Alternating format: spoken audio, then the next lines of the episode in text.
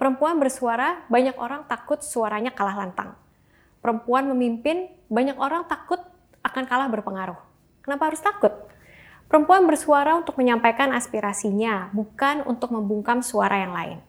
Perempuan memimpin bukan untuk mendominasi, tapi karena dia punya kapabilitas. Seperti kisah sukses narasumber kita kali ini, Sinta Kamdani.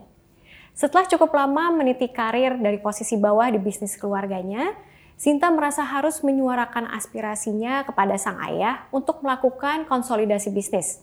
Sinta membuktikan bahwa dirinya mampu memberikan kontribusi positif dalam bisnis keluarga, hingga akhirnya dia resmi ditunjuk sebagai CEO Sintesa Group pada tahun 2014. Sepak terjang Sinta di dunia bisnis sudah tidak diragukan lagi. Bahkan kini Sinta dipercaya untuk menempati posisi sebagai koordinator wakil ketua umum 3 Kadin Bidang Maritim, Investasi dan Luar Negeri, serta Chair of B20 Indonesia. Seperti apa perjalanan karir Sinta sebagai seorang pebisnis? Seperti apa pula suka duka yang dialaminya sebagai seorang pemimpin perempuan? Kita langsung tanya saja ke orangnya. Halo Ibu Sinta, terima kasih banyak ya untuk waktu dan kesediaannya. Ini Aku tahu ibu pasti sibuk sekali, jadi terima kasih banyak udah mau datang di Parapuan. Ibu, kalau saya baca ya, saya baca dari berbagai artikel, nonton interview-interviewnya ibu gitu. Ibu itu sangat aktif di berbagai organisasi bisnis. Nah, ini sebenarnya mimpi ibu dari kecil kah gitu? Karena kan ada background dari keluarga gitu ya. Atau memang sebetulnya baru baru tercetus keinginan untuk masuk dunia bisnisnya malah di di pertengahan hmm. tahun mungkin atau remaja itu gimana bu? Dari kecil? Um, sebenarnya kalau kalau bisnis itu saya kan belajar dari orang tua ya. Jadi memang uh, sebagai sebuah bisnis keluarga kita tuh dari kecil terekspos lah kepada hmm. bisnis gitu. Baik itu uh, pada waktu makan makan keluarga oh, gitu kan meja makan, iya, meja iya. Jadi dengan sendirinya kita jadi terbawa gitu. Oh, ini bisnis keluarga seperti ini. Kemudian saya dari dari kecil juga udah terekspos dari sisi bahwa dibawa juga ayah saya ke kantor, dibawa ke pabrik gitu. Jadi uh, dengan sendirinya kita terbawa bahwa oh oke okay, nanti mungkin saya mau jadi seperti itu mm -hmm. gitu kan. Jadi uh, saya juga mulai bekerja dari usia yang cukup muda gitu ya, umur 13 tahun saya mulai kerja jualan buku waktu itu oh, saya ingat. Buku. Jadi uh, memang udah terbiasa harus seperti itu dan uh, setiap kali liburan sekolah juga saya sambil kerja gitu. Jadi oh. uh, ya udah udah terbiasa bahwa oke okay, dari kecil oke okay, kita mesti belajar belajar untuk be bisa bekerja gitu ya. Jadi dengan sendirinya kita terbawa ya. Saya suka suka joking, oh ayah saya di oh nanti saya mau uh, kantor seperti ayah saya, begini. Jadi kalau kalau da, sebagai anak kecil kan kita lihat, oh ayah saya bisa begini nih bisnis seperti ini. Oh iya iya, hmm. saya mau seperti beliau. Nah yang pas 13 tahun ibu cerita udah mulai jualan buku, itu kayak memang ditawarkan gitu atau Enggak, misalnya jadi memang kayak... memang uh, dengan sendirinya saya karena udah ter, apa ya kita memang sudah di diberikan kesempatan bahwa oh ini kapan bisa mulai untuk terekspos dalam bekerja start gitu kan. Nah, jadi waktu itu kesempatan kita punya ada direct selling gitu jualan buku-buku pendidikan anak. Nah, waktu itu oh coba coba jualan. Nah, mereka merasa bahwa orang tua saya juga merasa kalau jualan itu kan sebenarnya pembelajaran yang paling baik karena memberanikan ini anak kecil bisa ngapain sih gitu kan ya kan ya. kalau berani kan kalau bisa jualan oh berarti you know ini yang paling mudah dan uh, ya suruh coba aja gitu kan hmm. uh, apa juga jualan ke orang-orang yang juga nggak dikenal kita bisa nyoba gitu kan nah jadi mungkin itu yang paling sederhana gitu paling mudah ya gitu. jadi dengan sendirinya kita dapat kesempatan lah untuk mulai seperti itu dan saya juga kerja tidak hanya di dalam bantu di dalam bisnis keluarga juga kerja buat orang lain mm -hmm. gitu karena mereka percaya bahwa kalau saya kerja di orang lain saya juga bisa belajar. Kalau misalnya waktu uh, tadi ibu cerita kerja sempat di tempat lain itu pas di usia berapa bu? Udah Jadi lebih dewasa? setiap kali kalau namanya kan kalau kita di sini nama kerennya internship gitu yeah, ya. Yeah. Jadi setiap uh, liburan sekolah itu saya uh, internship. Nah internship saya itu juga di perusahaan-perusahaan besar seperti uh, uh, Price Waterhouse ya P, oh, PwC okay. yeah, yeah. gitu uh, kemudian ada di jadi banyak um, namanya apa liburan sekolah tuh ya kita cari cari internship Hmm. gitu kan pada waktu itu. Jadi selain dari bisnis keluarga, saya juga ada internship di banyak sekali eh, perusahaan-perusahaan lain gitu. Mhm. Setiap kali liburan sekolah. Jadi ini sudah mulai dari semenjak saya SMP kali ya gitu ya. Terus mulai nah kemudian kan saya eh, kelas 2 SMA eh, pergi ke luar negeri ya. Mhm. Jadi di luar negeri pun kita udah terbiasa sambil sekolah ya sambil eh, kerja gitu buat nambah uang saku Mhm. gitu kan. Waktu saya sudah sekolah juga saya sempat kerja di luar negeri sebelum saya eh, kembali ke Indonesia gitu. Di masa-masa ketika internship, bahkan dari 13 tahun itu aja udah, eh, berarti kan door to door mungkin ya Ibu ya, menawarkannya gitu ya. Ada value yang Ibu ingat dan akhirnya Ibu pakai sampai sekarang gitu kah Bu? Ya, jadi kalau kalau saya selalu eh, prinsip dasar bahwa saya diajarkan bahwa setiap hari itu kita belajar ya. Jadi Hmm. maksudnya kita harus gain as much knowledge gitu ya, menimba ilmu sebanyak-banyaknya Hmm. dengan segala jenis eh, pekerjaan yang kita lakukan. Jadi jadi di dalam otak saya itu sudah apa pun yang saya lakukan ini satu pembelajaran baru buat saya gitu. Nah, seperti kalau jualan buku ya itu saya harus memberanikan diri. Memberanikan diri juga dengan banyak sekali kegagalan gitu. Oh, Jadi sampai sekarang juga saya tahu bahwa apa pun yang saya lakukan itu saya bisa gagal, Hmm. bukan uh, pasti harus berhasil kan. Jadi dari kegagalan itu saya selalu belajar untuk apa nih yang saya belajar dengan ini, bagaimana saya bisa bangkit lagi gitu. Jadi setiap kali itu satu prinsip yang selalu sampai hari ini pun ada dalam diri saya. Termasuk waktu Ibu mengusulkan ke ayah Ibu untuk apa eh, mendirikan atau bikin holding company di 99 kalau saya nggak Iya, salah iya, betul, datanya. betul. itu ada maksudnya sebelum menawarkan atau itu kan pasti ada eh, persiapan gitu kali ya Bu ya. Itu juga ada rasa akan siap ditolak gitu. Oh, sangat. Jadi waktu itu yang paling berat dan itu sebagai eh, titik baliknya buat saya ya, turning point dalam hidup saya karena pada waktu saya memberanikan diri ke ayah saya setelah saya bekerja lebih dari 10 tahun. Kemudian saya mengatakan, aduh ini udah waktunya. Saya merasa em, saya punya satu visi yang saya share ke ayah saya untuk eh, perusahaan-perusahaan yang saat ini sudah kita kelola gitu kan untuk mem- membuat satu eh, struktur yang lebih apa eh, lebih terpadu gitu, lebih konsolidasi gitu ya, terkonsolidasi dan juga eh, seperti apa visi ke depannya untuk bisnis kami itu. Jadi waktu itu saya juga memberanikan diri untuk datang ke ayah saya untuk mengatakan ya saya sudah jadi anak yang baik, sudah jadi karyawan yang baik.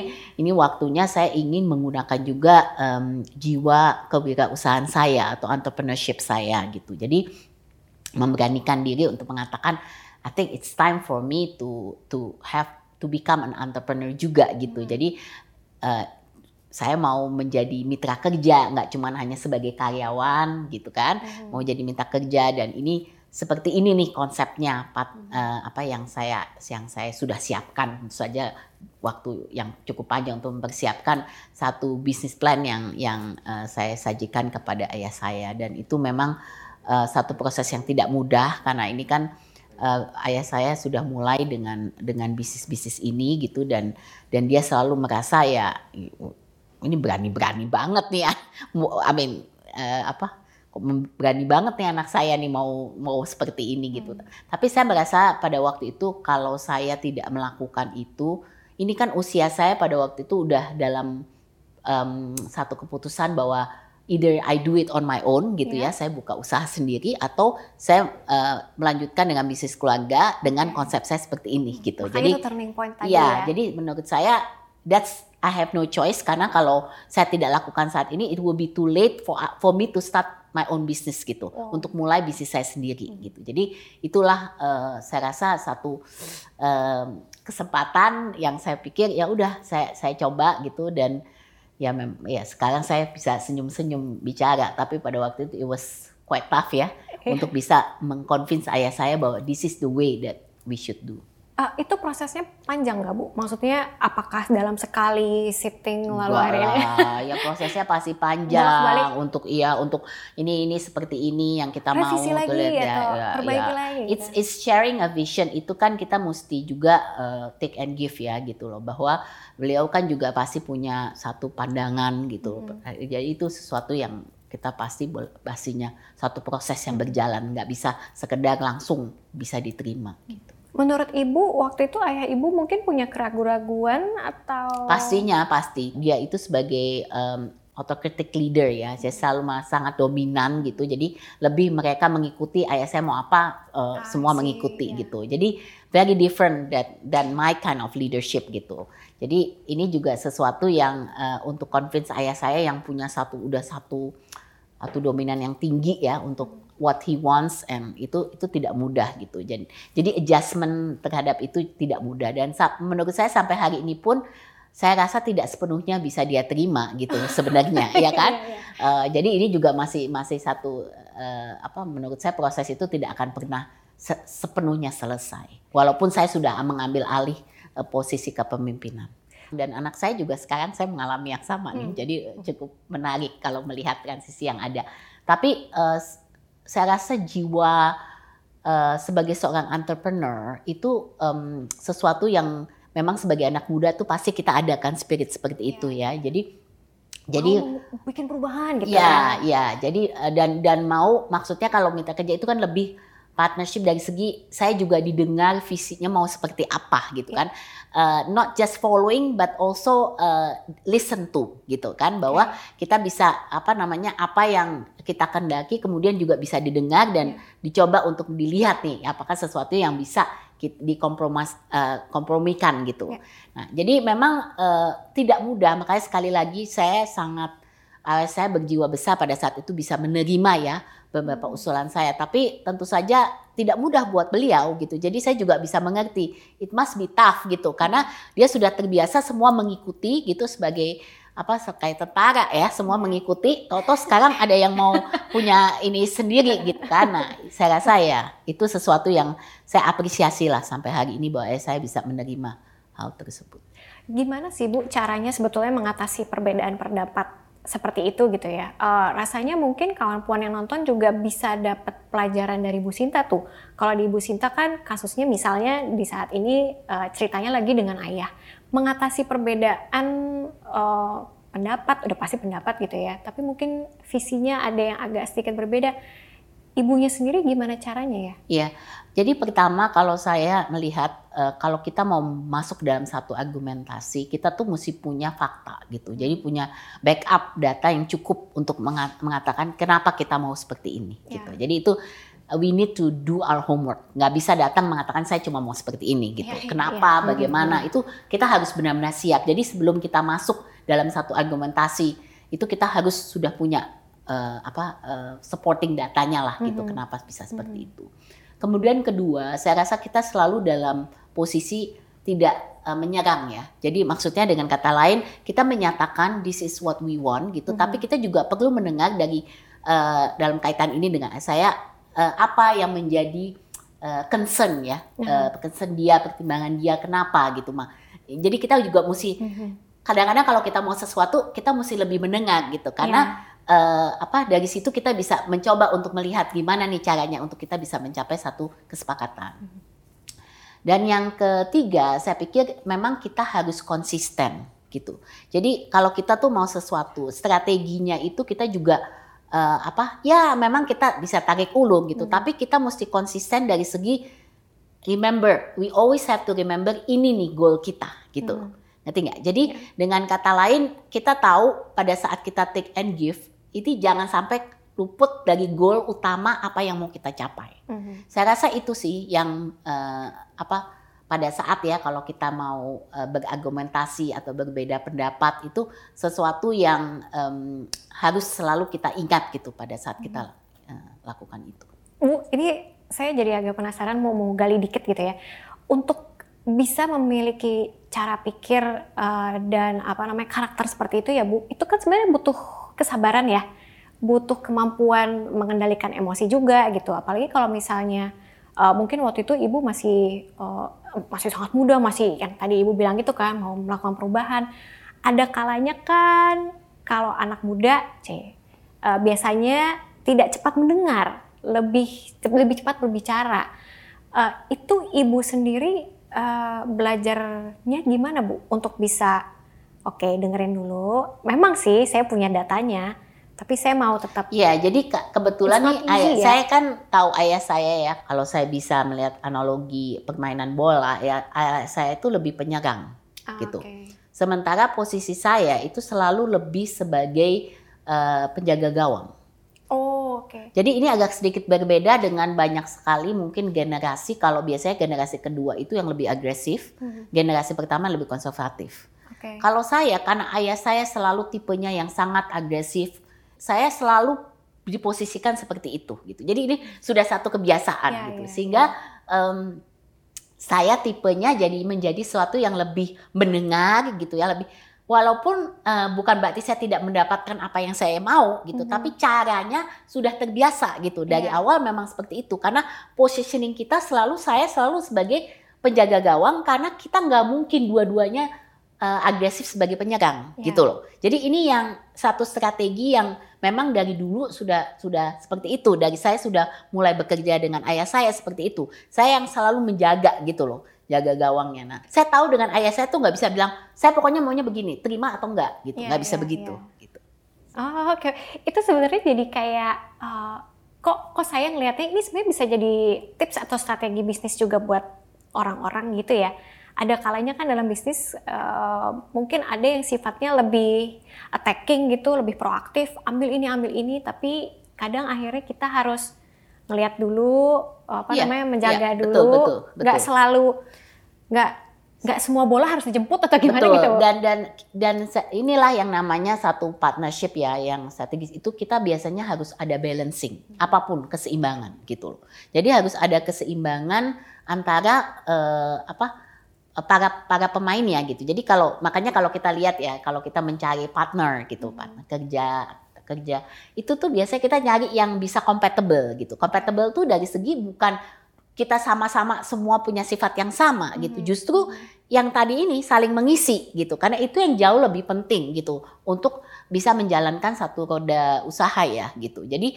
uh, dengan sistem begitu kita bisa saling mengisi, kita tahu oh ini saya lebih seperti ini, ini seperti ini gitu. Nah, ini yang saya rasa kita harus belajar dari situ. Oh, I see. Kalau tadi Ibu cerita sedikit juga soal visi bisnis yang Ibu bilang, oh mungkin uh, Ibu punya visi yang berbeda waktu itu untuk perusahaan keluarga gitu. Sebetulnya mungkin Ibu bisa cerita dikit nggak sih sebetulnya visi bisnis seorang uh, Sinta Kamdan itu seperti apa sih? Yang saya yeah. dengar 3P? Iya. Yeah jelas uh, itu satu hal yang paling utama. Jadi pertama uh, kita mesti punya visi yang jelas. Mm-hmm. Terus terang dulu ayah saya tuh lebih uh, bergerak dari sisi ya pokoknya kalau bisnis nggak cuma ayah saya ya, yeah. semua pebisnis pasti ngelihatnya ya unsur profit lah yeah. harus menguntungkan semua yeah. untung untung gimana bisa cuan, make cuan, as much cuan money gitu, ya, ya. cuan sebesar besarnya gitu kan nah jadi uh, nomor satu tuh pasti dari segi profitnya gitu uh, nah kalau kalau saya melihat bahwa visinya ini adalah untuk jadi suatu perusahaan untuk menjadi, bisa berkelanjutan atau sustainable, kita harus nggak bisa me, me, apa men, eh, hanya dari segi profit gitu. Makanya saya selalu mengatakan 3P itu, profit, people, planet adalah bagaimana bisa menjadi perusahaan yang uh, sustainable um, ya dari ketiga aspek ini gitu untuk membuat perusahaan itu menjadi sustainable di jangka panjang ya. Jadi ini kenapa saya sangat percaya dengan uh, konsep pembangunan berkelanjutan gitu kan uh, di mana kita juga uh, masukkan komponen-komponen uh, SDG uh-huh. untuk kita integrate di dalam bisnis model kita gitu. Karena visinya jelas bahwa saya ingin membawa Sintesa itu menjadi sustainable excellent company gitu ya. Jadi saya mau lihat bahwa kita bakal berkelanjutan gak cuman perusahaan yang mikirin profit dan lima tahun selesai gitu yeah, kan. Yeah, yeah. Gitu ya. Ini sesuatu untuk jadi perusahaan ini seperti apa? Ini bagaimana gitu. Yeah. Nah, jadi itu yang saya rasa yang fundamentalnya bahwa uh, visinya itu harus menjadi seperti ini hmm. gitu. Nah, mungkin um, itu suatu perusahaan mungkin perubahan yang ya cukup signifikan mungkin kalau ayah saya sampai sekarang juga nggak mungkin terlalu ini apa sih maksudnya bagaimana gitu yeah, ya yeah. tapi saya rasa uh, ini menjadi satu determinasi yang sangat pokok gitu karena inilah yang kemudian juga harus di embedded di dalam uh, culture atau budaya perusahaan gitu. Dan ini menarik karena corporate values kita ini juga saya bawa dari um, family values yang kita ada gitu. Oh, Jadi oke. mungkin uh, ayah saya tadinya nggak apa itu corporate values, why you doing corporate Iya, values buat gitu apa? ya, Iya, buat iya. apa kayak Ah, gitu-gituan gitu Iya, kan. iya. Tapi buat saya itu penting karena uh, sebagai karyawan semua tuh harus punya gitu, Mhm. harus ada gitu dasar valuesnya. Nah itu saya belajar dari family uh, values saya gitu, kemudian saya masuk ke dalam corporate values daripada sintesa yaitu 4E ya. Jadi ada empowerment, Hmm. ada um, entrepreneurship, ada excellence dan ada empathy gitu. Oh, Nah, oke. ini yang saya bawa. Kenapa? Karena dari dulu juga saya waktu saya kecil juga saya selalu diajarkan bahwa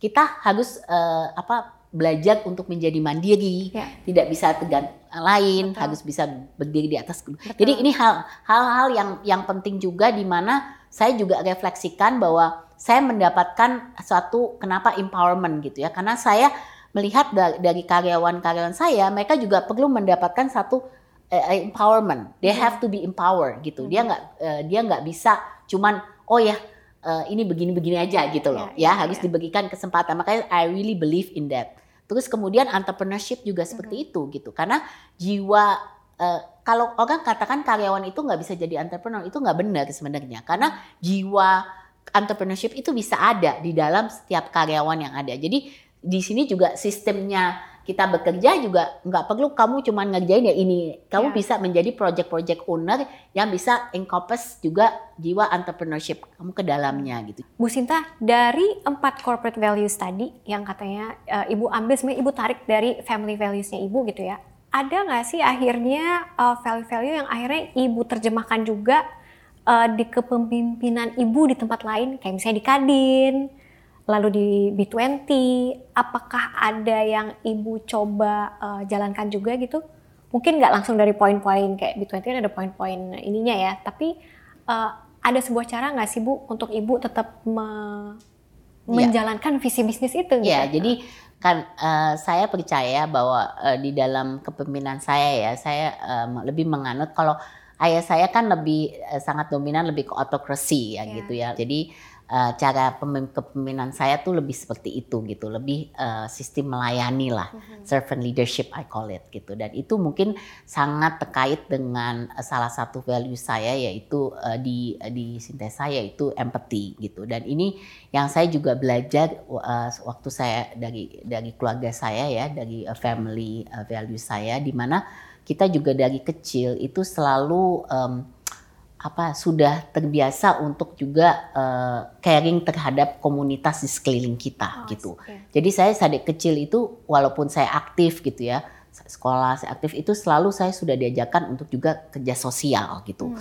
waktu masih kecil mungkin dengan mati asuhan gitu ya terus kemudian ada eh, apa kegiatan-kegiatan lain gitu tapi itu udah kebiasaan jiwa kayak apa res- apa caring empatinya itu ada gitu di situ. Dan ini juga saya masukkan di valuesnya sintesa di mana empati kita tidak hanya eh, di dalam gitu terhadap eh, sesama kita di dalam tapi juga keluar gitu terhadap komunitas di sekeliling kita gitu. Jadi ini yang apa eh, mungkin yang kemudian membasari saya juga untuk eh, dengan konsep leadership seperti ini gitu loh. Jadi servant leadership itu kita lebih menjadi bagian dari melayani organisasi yang kita ada gitu ya. Jadi kita saya mungkin lebih eh, demo demokrasinya lebih Oke. jalan gitu ya. Eh, jadi dengan kata lain eh, kita sekarang juga di Sintesa kita punya executive committee gitu loh. Oke. Eh, kita punya keput- decision making itu ada satu proses gitu tidak Mhm. hanya seorang Sinta sebagai pemimpin saya bikin keputusan sendiri gitu Iya, nggak iya. seperti itu gitu Oh, Oke, tapi boleh dijelaskan juga sedikit nggak sih Bu? Karena kalau misalnya ngelihat profilnya Bu Sinta kan Ibu terlibat di begitu banyak organisasi bisnis. Jadinya bilang begitu banyak karena em, saya tadi hitung, wah ini kayaknya di, di tangan saya aja Ibu udah ada lima mungkin, ada macam-macam gitu ya. Em, sebetulnya em, gimana juga sih caranya Ibu sebagai pemimpin gitu ya, eh, membagi eh, kepemimpinan yang merata dan fair di sini tetap diperhatikan, di sini misalnya tetap akan diperhatikan. Iya, kalau kita dengan begitu banyak kegiatan tuh kita harus juga disiplin dari segi membagi waktu kita kan dan juga tidak hanya waktu tapi juga uh, pemikiran kita gitu Da- dari mana uh, apa namanya uh, we are have to be strict gitu ya. Jadi kalau kita lagi ini ya ini gitu. Jadi nggak nggak terlalu Tidak bercampur multitasking baur sebetulnya ya. Ya in a way you are multitasking tapi tidak dari segi mindsetnya itu jelas gitu. Kalau Hmm. lagi fokus ini di sini ini. Karena pada akhirnya kegiatan-kegiatan ini kan cuma aktivitas gitu. Ya. Tapi sementara kalau kita ngomongin keluarga, kita ngomongin untuk uh, apa uh, kita sendiri gitu ya untuk untuk our own uh, self Ya. self ini itu kan uh, juga penting sekali gitu. Ya. Nah, ini yang mungkin balancing yang jauh lebih kunci lagi gitu daripada hanya sekedar oh ini banyak sekali kegiatan ya itu juga harus dibagi gitu. Tapi ini jauh lebih penting karena ini impactnya ke kehidupan kita gitu loh. Ya. Saya selalu percaya on our mind, body, and soul ya. Jadi buat saya itu penting banget tuh. Kalau kita nggak dapatkan itu jiwa mind, body, and soul, saya sendiri nggak mungkin bisa melakukan kegiatan apa-apa gitu. I'm stuck gitu karena Iya, ininya nggak balance di sini. Bu, tapi saya penasaran, Ibu pernah mendapatkan kayak em, diskriminasi gitu mungkin atau misalnya kayak eh, dianggap eh, salah kaprah ketika membuat sesuatu, membuat ini. Pernah nggak sih di lingkungan bisnis juga yang akhirnya ngelihat Ibu kayak apaan sih gitu? Ini Um, saya rasa gini, perempuan uh, Indi, kerjanya exactly, ya? Indi. Kalau saya tuh udah sering diomongin gini, oh ini si perempuan ini super ambisius, mau masuk semua segalanya, iya. ambisius. Itu nomor Iya, satu iya, gitu. iya. Karena itu langsung, oh, wah saya terlalu ambisius gitu ya. Oke. Itu sering banget tuh. Kalau laki mungkin nggak digituin. Iya. Kalau perempuan, kata-kata perempuan terlalu ambisius itu udah sering banget. Saya rasa dihadapi banyak perempuan juga. Jadi itu satu hal yang saya rasa juga juga eh, kita harus menyadari gitu bahwa kritikan-kritikan itu pasti banyak gitu dan em, itu bukan berarti salah ya. Jadi mungkin ada juga yang kita harus dengar. Mungkin Hmm. kadang-kadang we are too much gitu. Tapi eh, sometimes jangan itu kemudian juga hinder kita untuk mau maju gitu. Mhm. karena kadang-kadang kritikan semacam itu mengatakan wah ini memang saya mungkin is too much ya for me gitu. Aduh kayaknya saya nggak bisa dong jadi ketua kebanyakan gitu kan. Ini oh, gitu. Jadi jadi itu kemudian membuat kita mundur. Jadi Oke. ini kita mesti hati-hati banget. Jadi Ya. dalam satu sisi makanya saya tuh punya banyak mentor ya. Jadi kalau mentor yang ngomong saya percaya dia pasti benar-benar ini dengan ini kepentingan untuk saya gitu Mhm. tapi tidak sembar asal sembarangan orang aja ngomong gitu Mhm. kalau mentor yang ngomong dia pasti tahu oh kenapa ini it's a little bit too much nih Sin. Kamu mesti ini sedikit gitu Oke. kan. Jadi itu kita bisa tahu. Tapi kalau kita mau dengar semua orang ngomong, wah itu bisa challenging banget buat kita nggak bisa eh, apa kita terus akan menghadapi masalah gitu Mhm. karena untuk perempuan sampai hari ini pun kita masih mesti eh, kita call it break the glass ceiling gitu. Iya betul. Uh, I don't think wherever walaupun sudah banyak uh, progress ya, sudah banyak Mhm. kemajuan dari segi um, kesetaraan gender, tapi terus terang lah diskriminasi itu masih banyak sekali. Mhm. Ibunya sendiri gimana caranya ibu uh, break the ceiling, mematahkan stigma? Ya, kalau saya sih um, benar-benar saya kan ya they call me type minority ya, karena Iya, saya iya. perempuan, Iya. saya uh, uh, apa Chinese gitu keturunan Chinese dan saya non Muslim Mhm. gitu kan, jadi dianggap banyak hal, banyak posisi uh, yang iya, kayaknya wah nggak cocok deh ini gitu Iya, kan. iya. Jadi uh, to to break the glass ceiling tuh saya harus untuk berani untuk untuk fight for it gitu. Fight tuh dari segi saya mesti memberanikan diri untuk menunjukkan kemampuan saya, but I deserve that gitu loh. Mhm. Even with all the apa kelemahan atau kekurangan yang saya Mhm. ada gitu. Nah Mhm. itu I think proving yourself is very important dan itu yang selalu saya lakukan gitu. Uh, give me a chance and I will prove to you that I can do it gitu Yeah, kan. Jadi yeah. ini ini juga uh, saya juga makanya um, juga ya bersyukur lah banyak yang juga memberikan saya kesempatan sebagai seorang perempuan untuk menduduki posisi-posisi kepemimpinan seperti ini Hmm. gitu karena um, sometimes you just need to show yourself gitu kan uh, menunjukkan kemampuan memberanikan diri bahwa yes you can do it gitu Menurut ibu kelebihan sebenarnya kelebihan pemimpin perempuan itu uh, apa sih sebenarnya?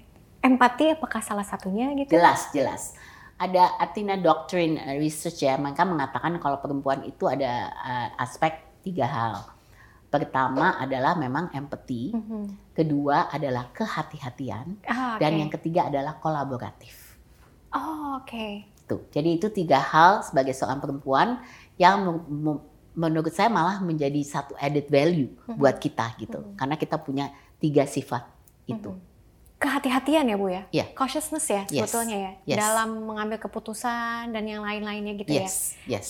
Kalau Ibu mempraktekkan itu, eh, Ibu pernah kayak ayo dong malah didiskreditkan. Karena kadang orang berharap pemimpin itu cepat ngambil gitu ya. Kan kehati-hatian tidak ada kaitan dengan kecepatan ya. Oke. Kehati-hatian itu adalah bahwa kita lebih cautious gitu kan. Tapi bukan berarti itu berlama-lama kita berpikir, bukan. Oh, Hati-hati. Jadi kehati-hatian oke. dan kecepatan itu saya rasa bukan satu hal orang hati-hati itu pasti lama, nggak Mhm, begitu. mhm. Ah, oke oke. Itu itu menarik karena biasanya orang akan akan kayak oh, Korelasinya mendes- ya, korelasinya. Nggak. mendiskreditkan Saya rasa kita begitu. Nggak begitu. dengan bilang kayak gitu. Oh kurang cepet nih, padahal tuh ternyata eh itu dua hal yang berbeda ya gitu. Ah oke. Kalau misalnya buat ibu sendiri gitu ya, em, ibu tadi udah cerita bahwa ibu adalah seorang perempu- eh, perempuan pemimpin yang sebenarnya juga em, punya mentor dan tetap terus berusaha breaking the glass ceiling gitu. Yang ibu lakukan sendiri mungkin buat eh, para karyawan perempuannya ibu, apakah ada hal yang spesifik gitu yang menurut ibu kayaknya ini aku lakukan buat sesama perempuan Iya. juga. Jadi pertama kalau di Sintesa sendiri kan kita sudah mengikuti yang namanya SDG number 5 ya. Jadi Oke. misalkan Sintesa ini punya yang namanya roadmap of SDG. Mhm. eh, namanya Sintesa Bumi. Nah, kita juga punya program eh, Sintesa eh, Woman gitu Oh, ya. oke. Jadi ini kita di number 5 itu untuk eh, program pemberdayaan perempuan. Em, jadi di sini kita ada em, kesetaraan gender di tempat kerja gitu. Mhm. Nah, makanya kenapa saya waktu itu juga mulai organisasi yang namanya Indonesia Business Coalition on Women Empowerment. Ya. Nah, di mana eh, kenapa kenapa saya pikir ini satu pen- hal penting karena di dalam kalau kita mengatakan kita mau promoting gender equality, itu apa sih sebenarnya yang harus dilakukan perusahaan gitu. Ya, ya. Karena banyak perusahaan tuh they claim themselves they are equal gitu kan, Ya. tapi apa sebenarnya Ya. gitu kan. Nah, jadi di sinilah kemudian saya belajar mengambil konsep bahwa em, ada eh, proses assessment yang kita lakukan gitu. Mhm. Jadi kalau kita ngomongin kesetaraan gender itu berarti kita mesti punya eh, equal pay gitu. Mhm. Kita nggak bisa ada pay gap ya. Jadi Iya, equal dan pay. harus transparan juga Uh-uh, ya. Kemudian untuk rekrutmen juga gitu loh Mhm. uh, untuk perempuan dan laki-laki. Kemudian kita juga untuk ada um, untuk career ladder gitu Mhm. ya. Jadi kalau kita lihat uh, program-program pelatihan kepemimpinan perempuan juga penting. Kenapa? Karena kita lihat di dalam uh, karir ini kita kita banyak melihat bahwa perempuan banyak stop di mid career gitu. Jadi Hmm. dia tidak yang kalau dilihat persentase dari uh, mulai masuk sampai ke mid career sampai ke puncak di makin lama makin kecil. Makin Di kecil. puncak tuh paling cuma berapa? Berapa persen? 5 persen gitu Hmm. kan.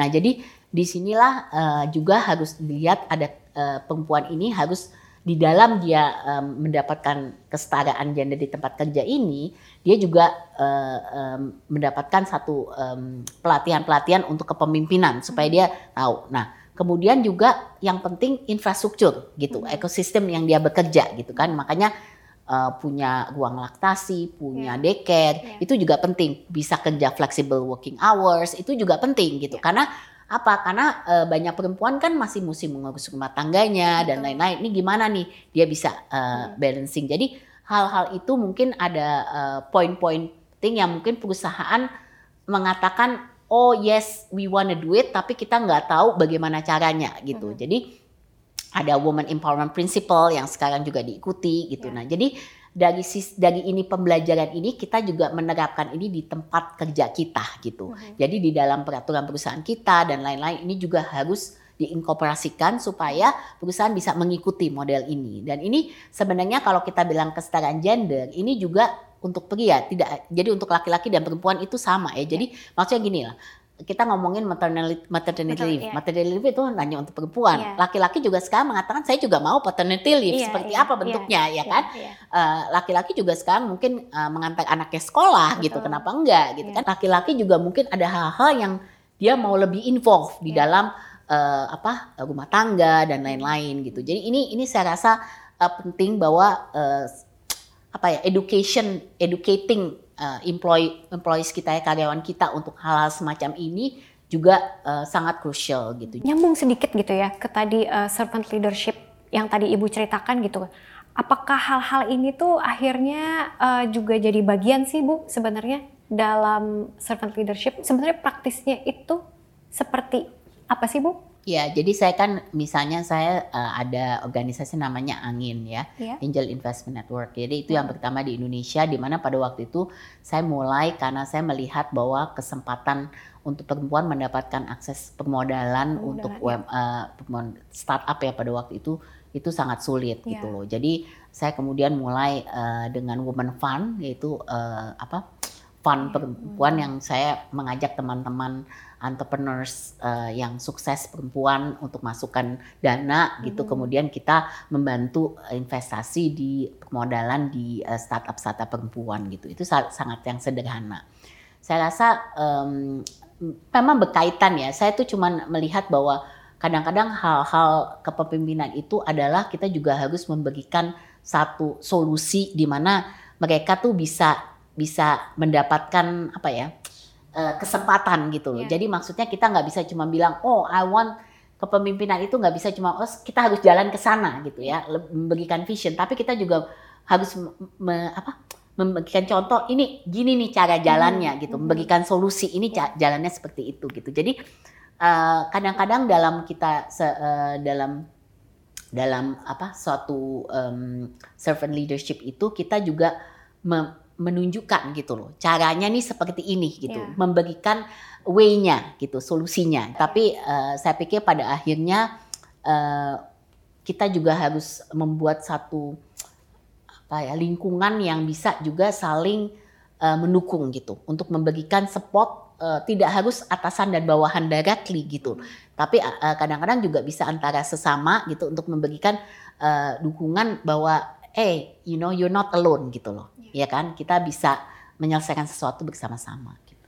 dari begitu banyak hal yang udah ibu mobilize dan ibu bangun ibu bikin gitu ya masih ada life goals bu? Cie, kalau kata anaknya sekarang masih ada life goals? Saya rasa pasti setiap manusia punya life goal ya. Kalau saya tuh life goalnya seperti ini saya tuh punya selalu saya melihat saya tuh yang paling seorang figur yang saya selalu paling uh, ini sekali ya adalah um, Mother, Mother Teresa ya. Kenapa? Karena Mother Teresa itu adalah seorang figur yang tidak mementingkan uh, dirinya sendiri. Jadi dia so, hanya uh, pikirkan orang lain, kepentingan hmm. orang lain gitu. Ya. Saya rasa kita dalam satu sebagai seorang uh, human ya, manusia itu pasti terus menerus pingin lebih gitu. Kita nggak, kita selalu pingin sesuatu tuh oh, what's in it for us? Yeah. What's in it for us? Selalu yeah. pertanyaannya seperti itu gitu. Sangat sulit untuk kita dalam satu titik di mana kita mengatakan oh I'm doing this for others. Bukan untuk saya nggak pikirin diri saya yeah. sendiri. Yeah. Saya saya cuma mau melakukan itu orang lain gitu. Nah, buat saya tuh life goal saya sebenarnya seperti itu gitu bahwa di, apakah saya bisa mencapai satu titik di mana nggak usah mikirin Sinta maunya apa seperti apa gitu, tapi hmm. that I can do this for other people gitu yang membutuhkan ya itu yang uh, my my life goal to make a difference ya for other people dan gimana um, I don't have to think selfless to become a selfless person lah. Saya rasa saya bagaimana caranya supaya saya bis, bisa men, tidak menjadi seorang yang um, only uh, memikirkan diri saya sendiri gitu, tapi bisa menjadi selfless untuk bisa memikirkan kepentingan orang lain. Secara nggak langsung, kadang-kadang uh, kita sampai akhirnya satu titik bahwa uh, mindset seperti itu sebetulnya akhirnya mendatangkan balancing di hidup kita juga ya Bu. Dalam semua kesibukan, tapi kita akhirnya seperti diri kita tuh kayak, eh nggak nggak kita kita juga harus pikirin orang nih. Kan kalau di satu sisi misalnya oke okay, ada profit, tapi lalu ada people dan planet. Sama halnya seperti uh, yang tadi Ibu cerita, uh, bikin ini dan bikin itu, eh tapi kita juga harus memikirkan orang lain, bukan lagi Sinta maunya apa, tapi apa yang bisa dikasih buat orang. Apakah ibu melihat uh, work-life balance seperti itu, atau mungkin ibu punya pendapat berbeda? Um, uh, mungkin nggak persis seperti itu ya, tapi kalau saya lihat um, dari work-life balance itu sebenarnya kalau work-life balance itu lebih hubungannya kepada saya, okay. di mana saya memanage antara gimana saya bisa mengambil keseimbangan antara pekerjaan mm-hmm. dan uh, uh, kehidupan pribadi saya mm-hmm. gitu kan. You have to remember di dalam work life balance saya selalu mengatakan there is also a self. Oke. Karena work life balance itu lebih untuk mentalitas kita. Kenapa saya mengatakan mind, body and soul? Hmm. Itu untuk mentalitas self. Self itu ada di dalam work life balance, yaitu self untuk Sinta. Kenapa? Karena if I'm so stretched out di dalam kegiatan saya, pekerjaan saya, kemudian rumah tangga saya, sementara saya nggak punya waktu untuk saya, itu juga nggak bisa gitu. Ya. Karena saya tidak bisa menjadi seorang yang produktif gitu kan. Jadi it's a bit different ya dengan Hmm. apa yang saya sampaikan kepada life goal saya gitu. Kalau work life balance tuh lebih saya self ini menjadi sesuatu yang harus juga saya pertimbangkan karena tanpa tanpa ada apa eh, melihat mind body soul-nya saya, saya nggak bisa melakukan hal-hal yang ada gitu. Ya, ya. Oh, dan kalau saya nggak salah dengar, ibu suka menari. Ya. Itu Jadi salah itu satu, salah satu hobi, ya betul salah betul betul. hobi. Jadi itu um, apa one way of saya punya ini ya untuk self saya itu ya memang menari sih. Jadi itu salah satu yang memang saya ini dan bagian ekspresi saya juga apa ya namanya uh, when uh, when I kalau orang lagi kadang-kadang mumet lagi apa kalau orang banyak macam-macam kalau saya menari itu adalah salah satu untuk saya melepas diri. Mungkin pertanyaan terakhir, Bu.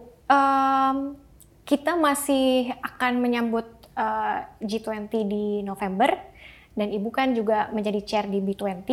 Kalau dari pandangannya Ibu, dan dari semua cerita yang udah Ibu cerita gitu ya, em, kira-kira harapannya Ibu akan seperti apa? Eh, sebagai Ibu women leader melihat apa namanya eh, tanggung jawab yang diberikan kepada Ibu sebagai pemimpin di B20?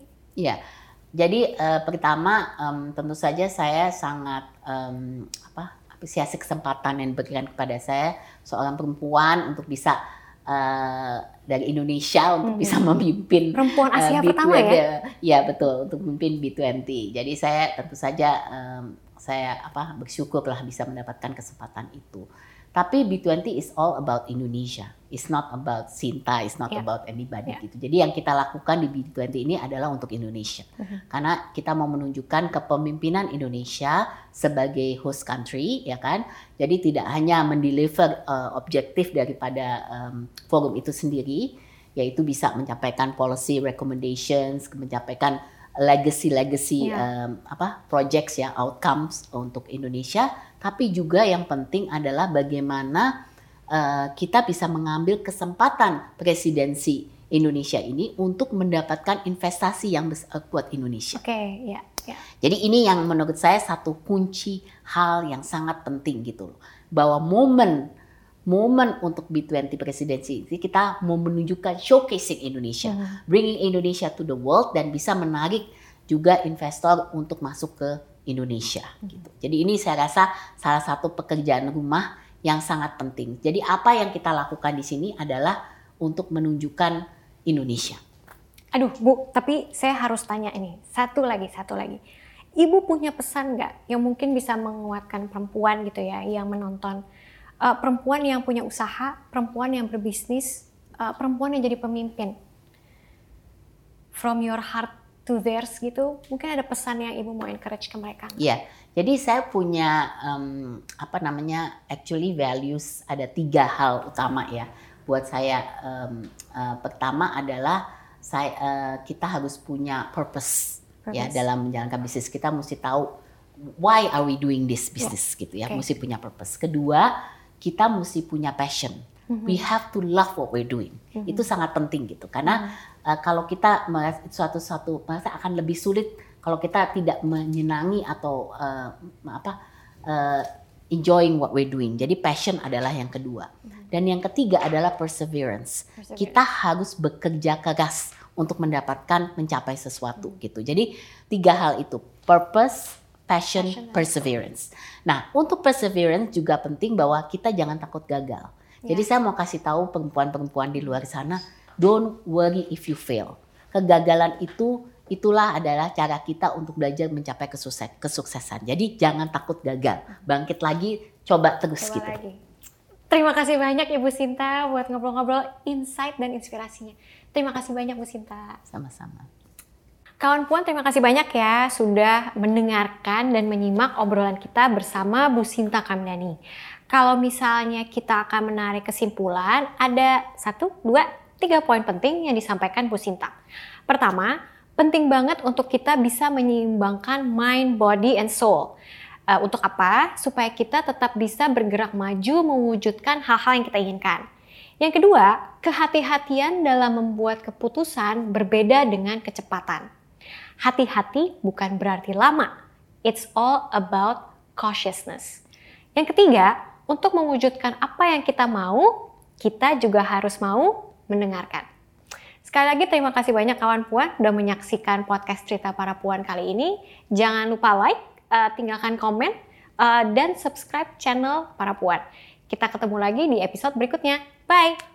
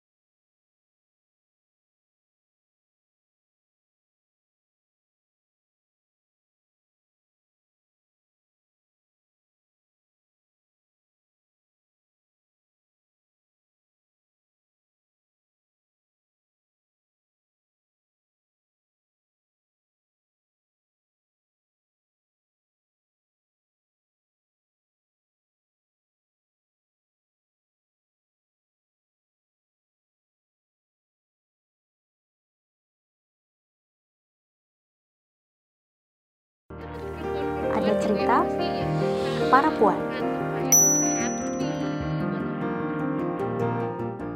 Perempuan bersuara, banyak orang takut suaranya kalah lantang. Perempuan memimpin, banyak orang takut akan kalah berpengaruh. Kenapa harus takut? Perempuan bersuara untuk menyampaikan aspirasinya, bukan untuk membungkam suara yang lain. Perempuan memimpin bukan untuk mendominasi, tapi karena dia punya kapabilitas. Seperti kisah sukses narasumber kita kali ini, Sinta Kamdani. Setelah cukup lama meniti karir dari posisi bawah di bisnis keluarganya, Sinta merasa harus menyuarakan aspirasinya kepada sang ayah untuk melakukan konsolidasi bisnis. Sinta membuktikan bahwa dirinya mampu memberikan kontribusi positif dalam bisnis keluarga hingga akhirnya dia resmi ditunjuk sebagai CEO Sintesa Group pada tahun 2014. Sepak terjang Sinta di dunia bisnis sudah tidak diragukan lagi. Bahkan kini Sinta dipercaya untuk menempati posisi sebagai koordinator wakil ketua umum 3 Kadin Bidang Maritim, Investasi dan Luar Negeri, serta Chair of B20 Indonesia. Seperti apa perjalanan karir Sinta sebagai seorang pebisnis? Seperti apa pula suka duka yang dialaminya sebagai seorang pemimpin perempuan? Kita langsung tanya saja ke orangnya. Halo Ibu Sinta, terima kasih banyak ya untuk waktu dan kesediaannya. Ini aku tahu Ibu pasti sibuk sekali, jadi terima kasih banyak udah mau datang di Para Puan.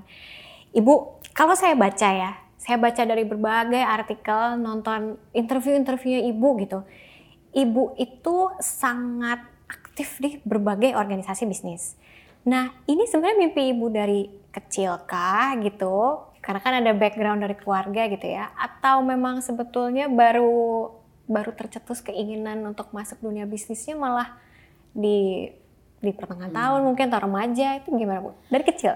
Um, sebenarnya kalau kalau bisnis itu saya kan belajar dari orang tua ya. Jadi memang uh, sebagai sebuah bisnis keluarga kita tuh dari kecil terekspos lah kepada hmm. bisnis gitu. Baik itu uh, pada waktu makan makan keluarga oh, gitu kan meja makan, iya, meja iya. makan. Jadi dengan sendirinya kita jadi terbawa gitu. Oh, ini bisnis keluarga seperti ini. Kemudian saya dari dari kecil juga udah terekspos dari sisi bahwa dibawa juga ayah saya ke kantor, dibawa ke pabrik gitu. Jadi uh, dengan sendirinya kita terbawa bahwa oh oke okay, nanti mungkin saya mau jadi seperti itu mm -hmm. gitu kan. Jadi uh, saya juga mulai bekerja dari usia yang cukup muda gitu ya, umur 13 tahun saya mulai kerja jualan buku waktu itu oh, saya ingat.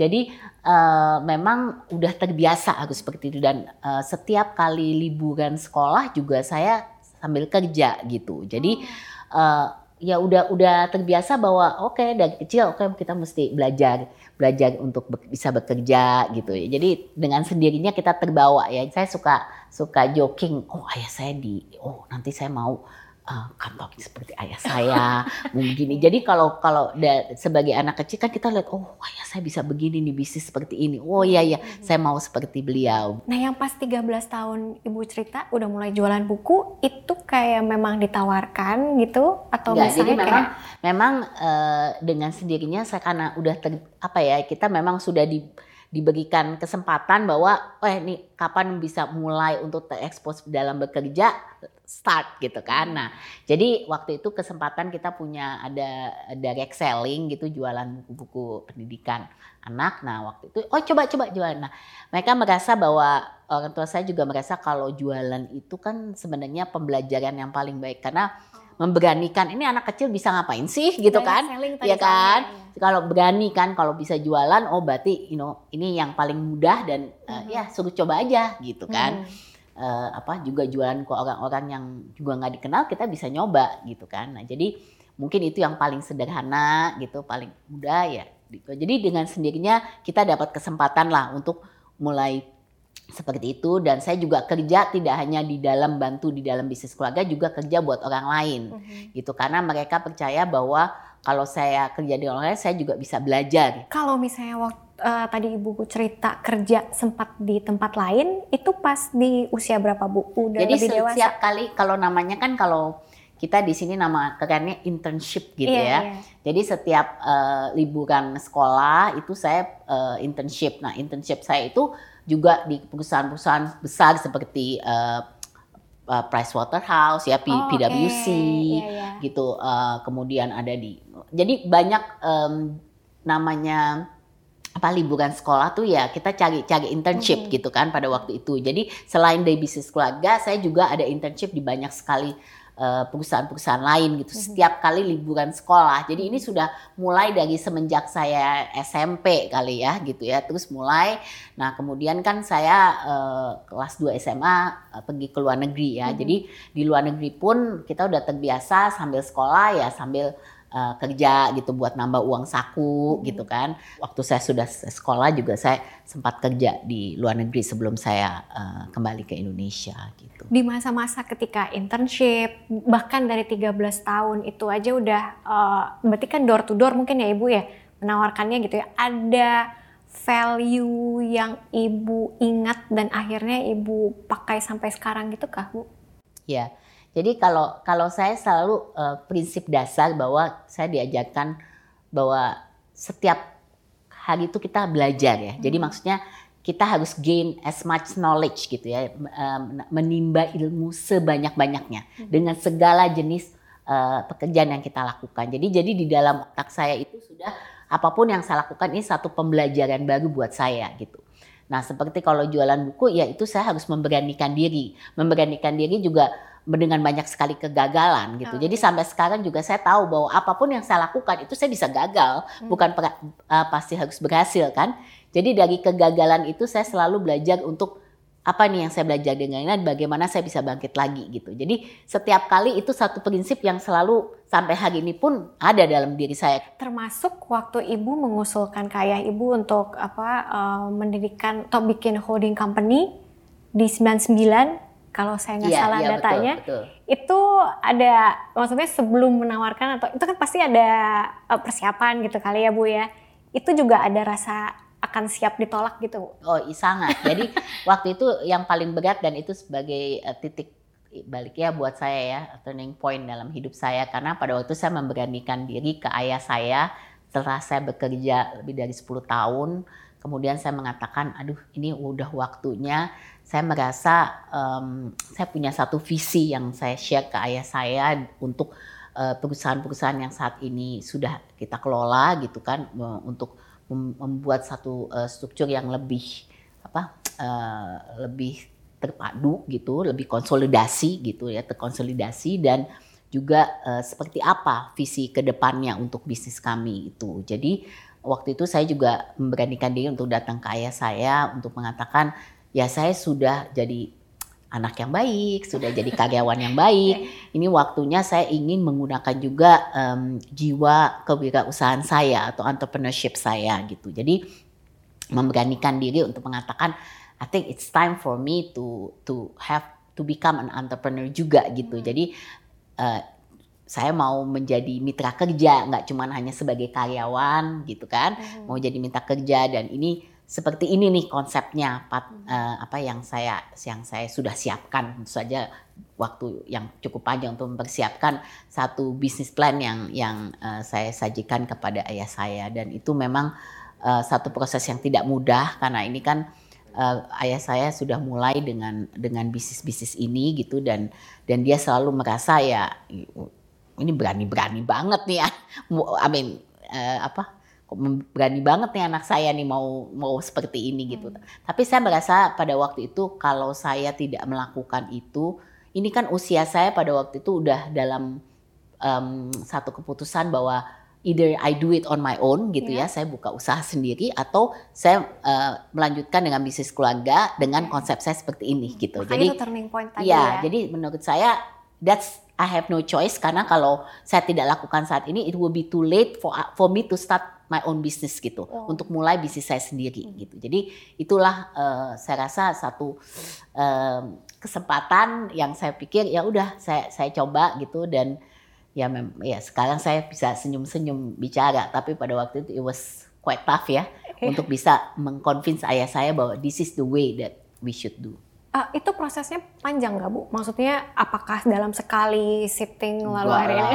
ya prosesnya pasti panjang untuk iya untuk ini ini seperti ini yang kita Revisi mau lagi lihat ya, ya, perbaiki ya. lagi. It's gitu. it's sharing a vision itu kan kita mesti juga uh, take and give ya gitu loh bahwa beliau kan juga pasti punya satu pandangan gitu. Hmm. Jadi itu sesuatu yang kita pasti pastinya satu proses yang berjalan nggak bisa sekedar langsung bisa diterima gitu. Menurut ibu waktu itu ayah ibu mungkin punya keraguan-raguan atau? Pastinya pasti. Dia itu sebagai um, autocritic leader ya. Saya selalu sangat dominan gitu. Jadi lebih mereka mengikuti ayah saya mau apa uh, semua mengikuti ya. gitu. Jadi very different that than my kind of leadership gitu. Jadi ini juga sesuatu yang uh, untuk convince ayah saya yang punya satu udah satu satu dominan yang tinggi ya untuk what he wants and itu itu tidak mudah gitu. Jadi jadi adjustment terhadap itu tidak mudah dan menurut saya sampai hari ini pun saya rasa tidak sepenuhnya bisa dia terima gitu sebenarnya ya kan. Uh, jadi ini juga masih masih satu uh, apa menurut saya proses itu tidak akan pernah se sepenuhnya selesai. Walaupun saya sudah mengambil alih uh, posisi kepemimpinan dan anak saya juga sekarang saya mengalami yang sama nih. Hmm. Jadi cukup menarik kalau melihat transisi yang ada. Tapi uh, saya rasa jiwa uh, sebagai seorang entrepreneur itu um, sesuatu yang memang sebagai anak muda tuh pasti kita ada kan spirit seperti yeah. itu ya. Jadi jadi bikin perubahan gitu ya. Ya, ya. Jadi uh, dan dan mau maksudnya kalau minta kerja itu kan lebih partnership dari segi saya juga didengar visinya mau seperti apa gitu yeah. kan uh, not just following but also uh, listen to gitu kan bahwa okay. kita bisa apa namanya apa yang kita kendaki kemudian juga bisa didengar dan yeah. dicoba untuk dilihat nih apakah sesuatu yang bisa dikompromas uh, kompromikan gitu.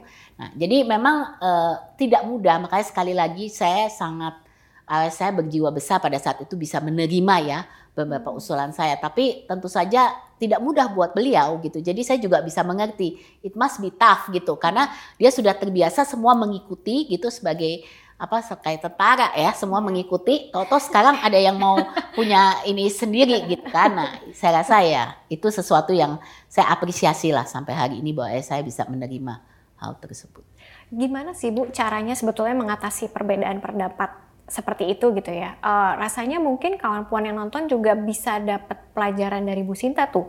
Kalau di Bu Sinta kan kasusnya misalnya di saat ini uh, ceritanya lagi dengan ayah. Mengatasi perbedaan uh, pendapat, udah pasti pendapat gitu ya. Tapi mungkin visinya ada yang agak sedikit berbeda. Ibunya sendiri gimana caranya ya? Iya, jadi pertama kalau saya melihat uh, kalau kita mau masuk dalam satu argumentasi, kita tuh mesti punya fakta gitu. Jadi punya backup data yang cukup untuk mengatakan kenapa kita mau seperti ini yeah. gitu. Jadi itu uh, we need to do our homework. Nggak bisa datang mengatakan saya cuma mau seperti ini gitu. Yeah, kenapa, yeah. bagaimana itu kita harus benar-benar siap. Jadi sebelum kita masuk dalam satu argumentasi itu kita harus sudah punya uh, apa uh, supporting datanya lah gitu. Mm -hmm. Kenapa bisa seperti mm -hmm. itu. Kemudian kedua, saya rasa kita selalu dalam posisi tidak uh, menyerang ya. Jadi maksudnya dengan kata lain kita menyatakan this is what we want gitu, mm -hmm. tapi kita juga perlu mendengar dari uh, dalam kaitan ini dengan saya uh, apa yang menjadi uh, concern ya, mm -hmm. uh, concern dia, pertimbangan dia kenapa gitu mah. Jadi kita juga mesti mm-hmm. kadang-kadang kalau kita mau sesuatu kita mesti lebih mendengar gitu karena uh, apa dari situ kita bisa mencoba untuk melihat gimana nih caranya untuk kita bisa mencapai satu kesepakatan. Dan yang ketiga, saya pikir memang kita harus konsisten gitu.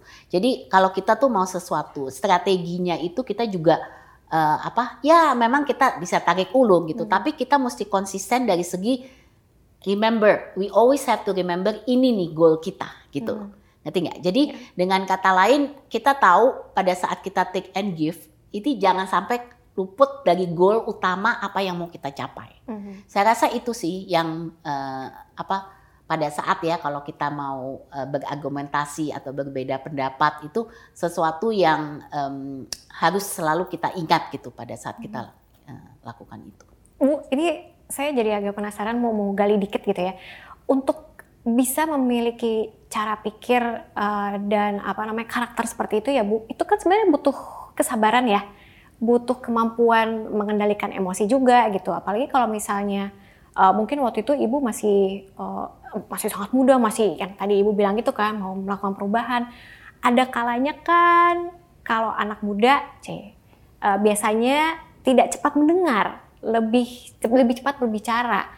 Uh, itu ibu sendiri uh, belajarnya gimana bu untuk bisa oke okay, dengerin dulu. Memang sih saya punya datanya, tapi saya mau tetap. Iya, jadi ke kebetulan nih ayah, ya? saya kan tahu ayah saya ya. Kalau saya bisa melihat analogi permainan bola ya, ayah saya itu lebih penyerang ah, gitu. Okay. Sementara posisi saya itu selalu lebih sebagai uh, penjaga gawang. Oh, oke. Okay. Jadi ini agak sedikit berbeda dengan banyak sekali mungkin generasi. Kalau biasanya generasi kedua itu yang lebih agresif, hmm. generasi pertama lebih konservatif. Okay. Kalau saya karena ayah saya selalu tipenya yang sangat agresif, saya selalu diposisikan seperti itu gitu. Jadi ini sudah satu kebiasaan ya, gitu. Ya, Sehingga ya. Um, saya tipenya jadi menjadi sesuatu yang lebih mendengar gitu ya, lebih walaupun uh, bukan berarti saya tidak mendapatkan apa yang saya mau gitu, mm -hmm. tapi caranya sudah terbiasa gitu. Dari yeah. awal memang seperti itu karena positioning kita selalu saya selalu sebagai penjaga gawang karena kita nggak mungkin dua-duanya uh, agresif sebagai penyerang yeah. gitu loh. Jadi ini yang satu strategi yang memang dari dulu sudah sudah seperti itu. Dari saya sudah mulai bekerja dengan ayah saya seperti itu. Saya yang selalu menjaga gitu loh, jaga gawangnya. Nah, saya tahu dengan ayah saya tuh nggak bisa bilang, saya pokoknya maunya begini, terima atau enggak gitu, nggak yeah, bisa yeah, begitu. Yeah. Gitu. Oh oke, okay. itu sebenarnya jadi kayak uh, kok kok saya ngelihatnya ini sebenarnya bisa jadi tips atau strategi bisnis juga buat orang-orang gitu ya ada kalanya kan dalam bisnis uh, mungkin ada yang sifatnya lebih attacking gitu, lebih proaktif, ambil ini ambil ini, tapi kadang akhirnya kita harus ngelihat dulu apa yeah, namanya menjaga yeah, dulu, betul, betul, betul. nggak selalu nggak nggak semua bola harus dijemput atau gimana Betul. gitu. Dan dan dan inilah yang namanya satu partnership ya yang strategis itu kita biasanya harus ada balancing apa pun keseimbangan gitu loh. Jadi harus ada keseimbangan antara uh, apa Eh, para para pemain ya gitu. Jadi kalau makanya kalau kita lihat ya kalau kita mencari partner gitu, hmm. partner kerja kerja itu tuh biasanya kita nyari yang bisa compatible gitu. Compatible tuh dari segi bukan kita sama-sama semua punya sifat yang sama gitu. Hmm. Justru yang tadi ini saling mengisi gitu. Karena itu yang jauh lebih penting gitu untuk bisa menjalankan satu roda usaha ya gitu. Jadi uh, dengan sistem begitu kita bisa saling mengisi, kita tahu oh ini saya lebih seperti ini, ini seperti ini gitu. Nah, ini yang saya rasa kita harus belajar dari situ. Oh, I see. Kalau tadi Ibu cerita sedikit juga soal visi bisnis yang Ibu bilang, oh mungkin uh, Ibu punya visi yang berbeda waktu itu untuk perusahaan keluarga gitu. Sebetulnya mungkin Ibu bisa cerita dikit nggak sih sebetulnya visi bisnis seorang uh, Sinta Kamdan itu seperti apa sih? Yang saya yeah. dengar 3P?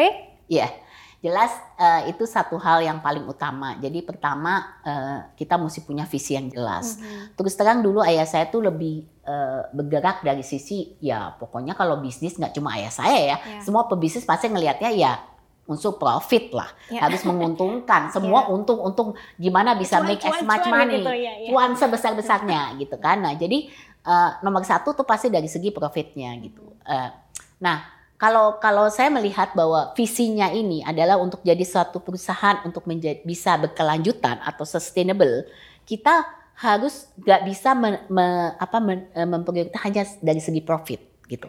Makanya saya selalu mengatakan 3P itu, profit, people, planet adalah bagaimana bisa menjadi perusahaan yang uh, sustainable um, ya dari ketiga aspek ini gitu untuk membuat perusahaan itu menjadi sustainable di jangka panjang ya. Jadi ini kenapa saya sangat percaya dengan uh, konsep pembangunan berkelanjutan gitu kan uh, di mana kita juga uh, masukkan komponen-komponen uh, SDG. Mhm. untuk kita integrate di dalam bisnis model kita gitu. Karena visinya jelas bahwa saya ingin membawa Sintesa itu menjadi sustainable excellent company gitu ya. Jadi saya mau lihat bahwa kita bakal berkelanjutan gak cuman perusahaan yang mikirin profit dan lima tahun selesai gitu yeah, kan. Yeah, yeah. Itu ya. Ini sesuatu untuk jadi perusahaan ini seperti apa? Ini bagaimana gitu. Yeah. Nah, jadi itu yang saya rasa yang fundamentalnya bahwa uh, visinya itu harus menjadi seperti ini gitu. Nah, mungkin um, itu suatu perusahaan mungkin perubahan yang ya cukup signifikan. Mungkin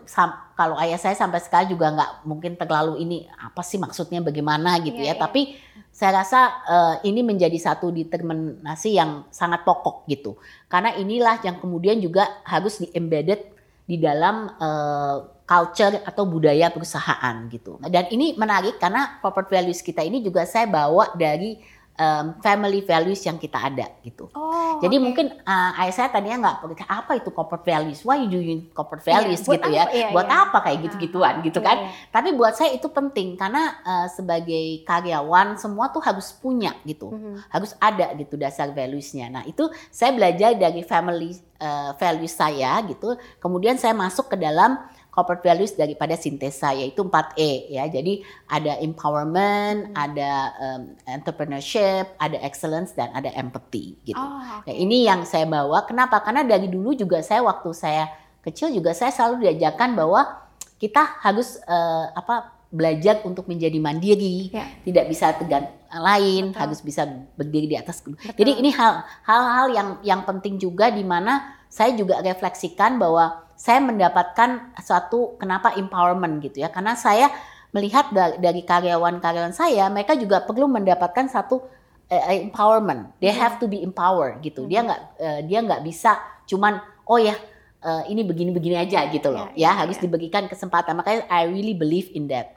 Terus kemudian entrepreneurship juga seperti itu gitu. Karena jiwa uh, kalau orang katakan karyawan itu nggak bisa jadi entrepreneur itu nggak benar sebenarnya. Karena jiwa entrepreneurship itu bisa ada di dalam setiap karyawan yang ada. Jadi di sini juga sistemnya kita bekerja juga nggak perlu kamu cuma ngerjain ya ini. Kamu yeah. bisa menjadi project-project owner yang bisa encompass juga jiwa entrepreneurship kamu ke dalamnya gitu. Bu Sinta, dari empat corporate values tadi yang katanya uh, Ibu ambil sebenarnya Ibu tarik dari family valuesnya Ibu gitu ya. Ada nggak sih akhirnya uh, value-value yang akhirnya Ibu terjemahkan juga uh, di kepemimpinan ibu di tempat lain, kayak misalnya di Kadin, lalu di B20, apakah ada yang ibu coba uh, jalankan juga gitu? Mungkin nggak langsung dari poin-poin kayak B20 kan ada poin-poin ininya ya, tapi uh, ada sebuah cara nggak sih bu untuk ibu tetap me ya. menjalankan visi bisnis itu? Gitu? Ya, jadi kan uh, saya percaya bahwa uh, di dalam kepemimpinan saya ya, saya uh, lebih menganut kalau ayah saya kan lebih uh, sangat dominan lebih ke autokrasi ya yeah. gitu ya. Jadi uh, cara kepemimpinan saya tuh lebih seperti itu gitu, lebih uh, sistem melayani lah, mm-hmm. servant leadership I call it gitu. Dan itu mungkin sangat terkait dengan uh, salah satu value saya yaitu uh, di di sintesa yaitu empathy gitu. Dan ini yang saya juga belajar uh, waktu saya dari dari keluarga saya ya, dari uh, family uh, value saya di mana kita juga dari kecil itu selalu um, apa sudah terbiasa untuk juga uh, caring terhadap komunitas di sekeliling kita oh, gitu. Okay. Jadi saya saat kecil itu walaupun saya aktif gitu ya sekolah saya aktif itu selalu saya sudah diajarkan untuk juga kerja sosial gitu. Hmm. Waktu masih kecil mungkin dengan mati asuhan gitu ya, terus kemudian ada uh, apa kegiatan-kegiatan lain gitu. Tapi itu udah kebiasaan jiwa kayak apa uh, apa caring empatinya itu ada gitu di situ. Dan ini juga saya masukkan di valuesnya sintesa di mana empati kita tidak hanya uh, di dalam gitu terhadap uh, sesama kita di dalam tapi juga keluar hmm. gitu terhadap komunitas di sekeliling kita gitu. Jadi ini yang apa uh, mungkin yang kemudian membahasari saya juga untuk uh, dengan konsep leadership seperti ini gitu loh. Jadi servant leadership itu kita lebih menjadi bagian dari melayani organisasi yang kita ada gitu ya. Jadi saya mungkin lebih uh, demo demokrasinya lebih yeah. jalan gitu ya. uh, jadi dengan kata lain uh, kita sekarang juga di Sintesa kita punya executive committee gitu loh. Okay. Uh, kita punya jadi decision making itu ada satu proses gitu. Tidak mm -hmm. hanya seorang Sinta sebagai pemimpin saya bikin keputusan sendiri gitu iya, nggak yeah, seperti yeah. itu gitu. Oh, Oke, okay. tapi boleh dijelaskan juga sedikit nggak sih Bu? Karena kalau misalnya ngelihat profilnya Bu Sinta kan Ibu terlibat di begitu banyak organisasi bisnis. Jadinya bilang begitu banyak karena um, saya tadi hitung, wah ini kayaknya di, di tangan saya aja Ibu udah ada lima mungkin, ada macam-macam gitu ya. Um, sebetulnya um, gimana juga sih caranya Ibu sebagai pemimpin gitu ya, uh, membagi uh, kepemimpinan yang merata dan fair di sini tetap diperhatikan, di sini misalnya tetap akan diperhatikan. Iya, kalau kita dengan begitu banyak kegiatan tuh kita harus juga disiplin dari segi membagi waktu kita kan dan juga tidak hanya waktu tapi juga uh, pemikiran kita gitu dari, dari mana uh, apa namanya uh, we are have to be strict gitu ya. Jadi kalau kita lagi ini ya ini gitu. Jadi nggak nggak terlalu tidak bercampur baur sebetulnya ya. Ya in a way you are multitasking tapi tidak dari segi mindsetnya itu jelas gitu. Kalau hmm. lagi fokus ini di sini ini.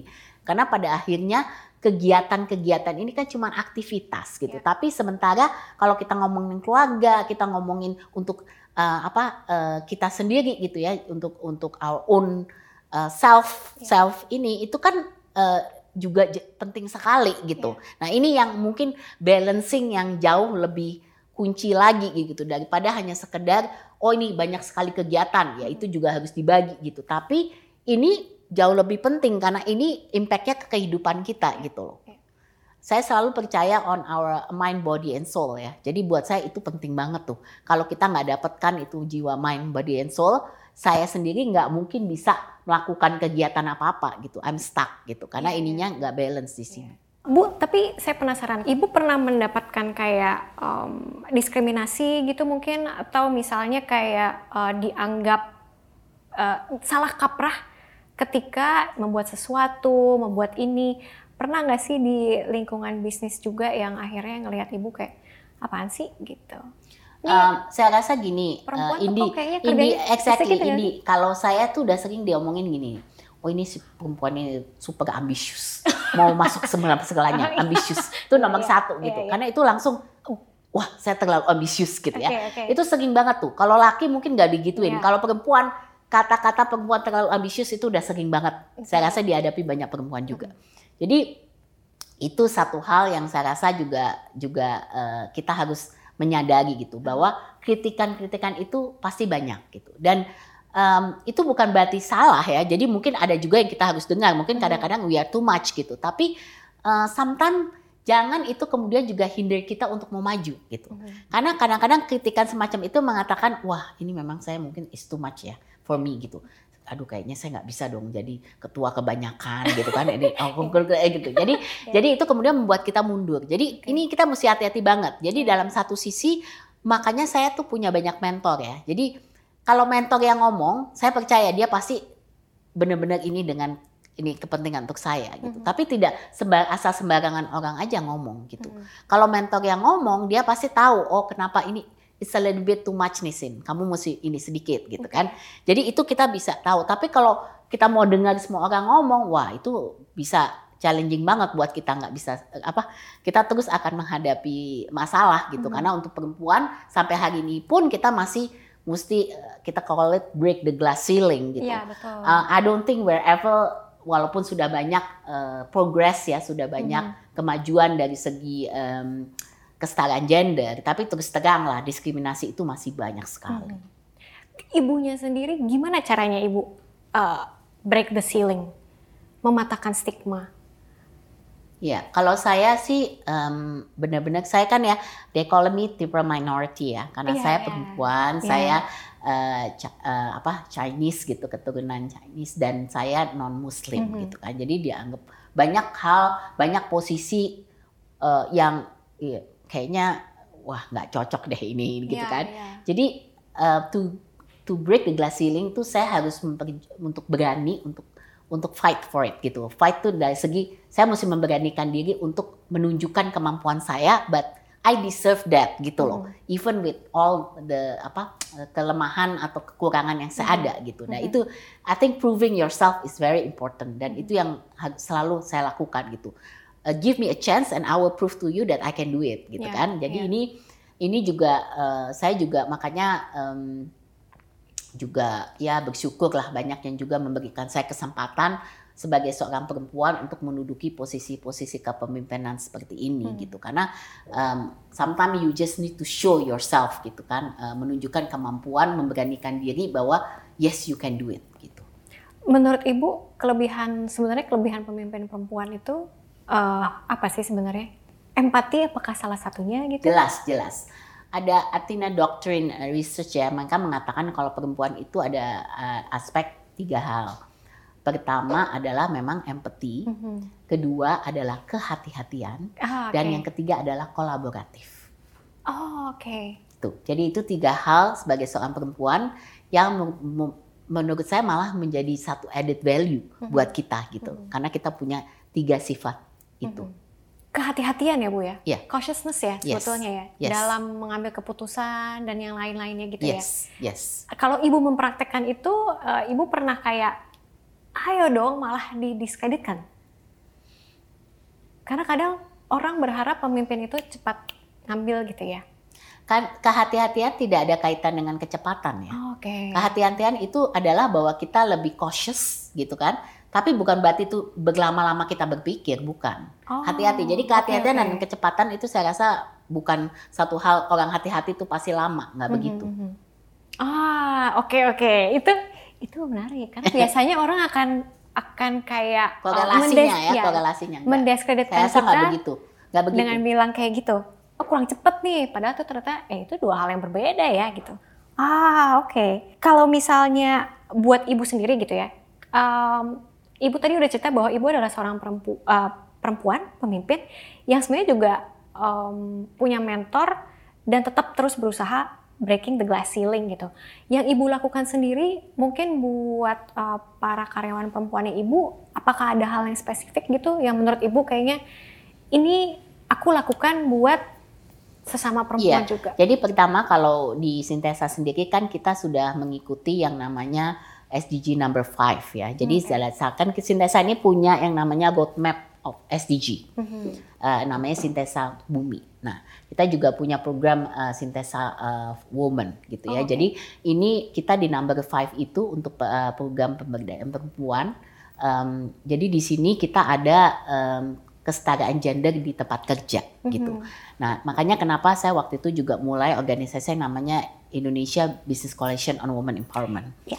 Nah, di mana eh, kenapa kenapa saya pikir ini satu pen- hal penting? Karena di dalam kalau kita mengatakan kita mau promoting gender equality, itu apa sih sebenarnya yang harus dilakukan perusahaan gitu? Ya, ya. Karena banyak perusahaan tuh they claim themselves they are equal gitu kan, Ya. tapi apa sebenarnya gitu kan? Nah, jadi di sinilah kemudian saya belajar mengambil konsep bahwa em, ada eh, proses assessment yang kita lakukan gitu. Mhm. Jadi kalau kita ngomongin style and gender itu berarti kita mesti punya eh, equal pay gitu. Mhm. Kita nggak bisa ada pay gap ya. Jadi Iya, equal Dan pay. harus transparan juga Uh-uh, ya. Kemudian untuk rekrutmen juga gitu loh Mhm. uh, untuk perempuan dan laki-laki. Kemudian kita juga untuk ada um, untuk career ladder gitu ya. Jadi kalau kita lihat uh, program-program pelatihan kepemimpinan perempuan juga penting. Kenapa? Karena kita lihat di dalam uh, karir ini kita kita banyak melihat bahwa perempuan banyak stop di mid career gitu. Jadi Hmm. dia tidak yang kalau dilihat persentase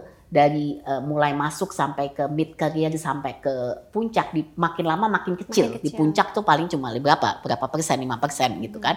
Nah, jadi di sinilah uh, juga harus dilihat ada uh, perempuan ini harus di dalam dia um, mendapatkan kesetaraan gender di tempat kerja ini, dia juga uh, um, mendapatkan satu um, pelatihan-pelatihan untuk kepemimpinan supaya dia tahu. Nah, kemudian juga yang penting infrastruktur gitu, Hmm. ekosistem yang dia bekerja gitu kan. Makanya uh, punya ruang laktasi, punya Ya. daycare, Ya. itu juga penting. Bisa kerja flexible working hours, itu juga penting gitu. Ya. Karena apa? Karena uh, banyak perempuan kan masih mesti mengurus rumah tangganya dan Betul. lain-lain. Ini gimana nih dia bisa uh, balancing. Jadi hal-hal itu mungkin ada uh, poin-poin penting yang mungkin perusahaan mengatakan oh yes we wanna do it tapi kita nggak tahu bagaimana caranya gitu. Mhm. Jadi ada woman empowerment principle yang sekarang juga diikuti gitu. Ya. Nah, jadi dari sis, dari ini pembelajaran ini kita juga menerapkan ini di tempat kerja kita gitu. Mhm. Jadi di dalam peraturan perusahaan kita dan lain-lain ini juga harus diinkorporasikan supaya perusahaan bisa mengikuti model ini. Dan ini sebenarnya kalau kita bilang kesetaraan gender, ini juga untuk pria, tidak jadi untuk laki-laki dan perempuan itu sama ya. Jadi maksudnya gini lah, kita ngomongin maternity, maternity Betul, leave. iya. Maternity leave itu hanya untuk perempuan. Iya. Laki-laki juga sekarang mengatakan saya juga mau paternity leave. Iya, Seperti iya, apa iya, bentuknya ya Iya, kan? iya. Eh, laki-laki juga sekarang mungkin eh, mengantar anaknya sekolah gitu. Betul. Kenapa enggak gitu Iya. kan? Laki-laki juga mungkin ada hal-hal yang dia mau lebih involve di Iya. dalam uh, apa rumah tangga dan lain-lain gitu. Jadi ini ini saya rasa uh, penting bahwa uh, apa ya education educating uh, employee employees kita ya karyawan kita untuk hal-hal semacam ini juga uh, sangat krusial gitu. Nyambung sedikit gitu ya ke tadi uh, servant leadership yang tadi ibu ceritakan gitu. Apakah hal-hal ini tuh akhirnya uh, juga jadi bagian sih bu sebenarnya dalam servant leadership? Sebenarnya praktisnya itu seperti apa sih bu? Ya, jadi saya kan misalnya saya uh, ada organisasi namanya Angin ya, yeah. Angel Investment Network. Jadi itu yang hmm. pertama di Indonesia di mana pada waktu itu saya mulai karena saya melihat bahwa kesempatan untuk perempuan mendapatkan akses permodalan untuk ya. uh, startup ya pada waktu itu itu sangat sulit yeah. gitu loh. Jadi saya kemudian mulai uh, dengan Women Fund yaitu uh, apa?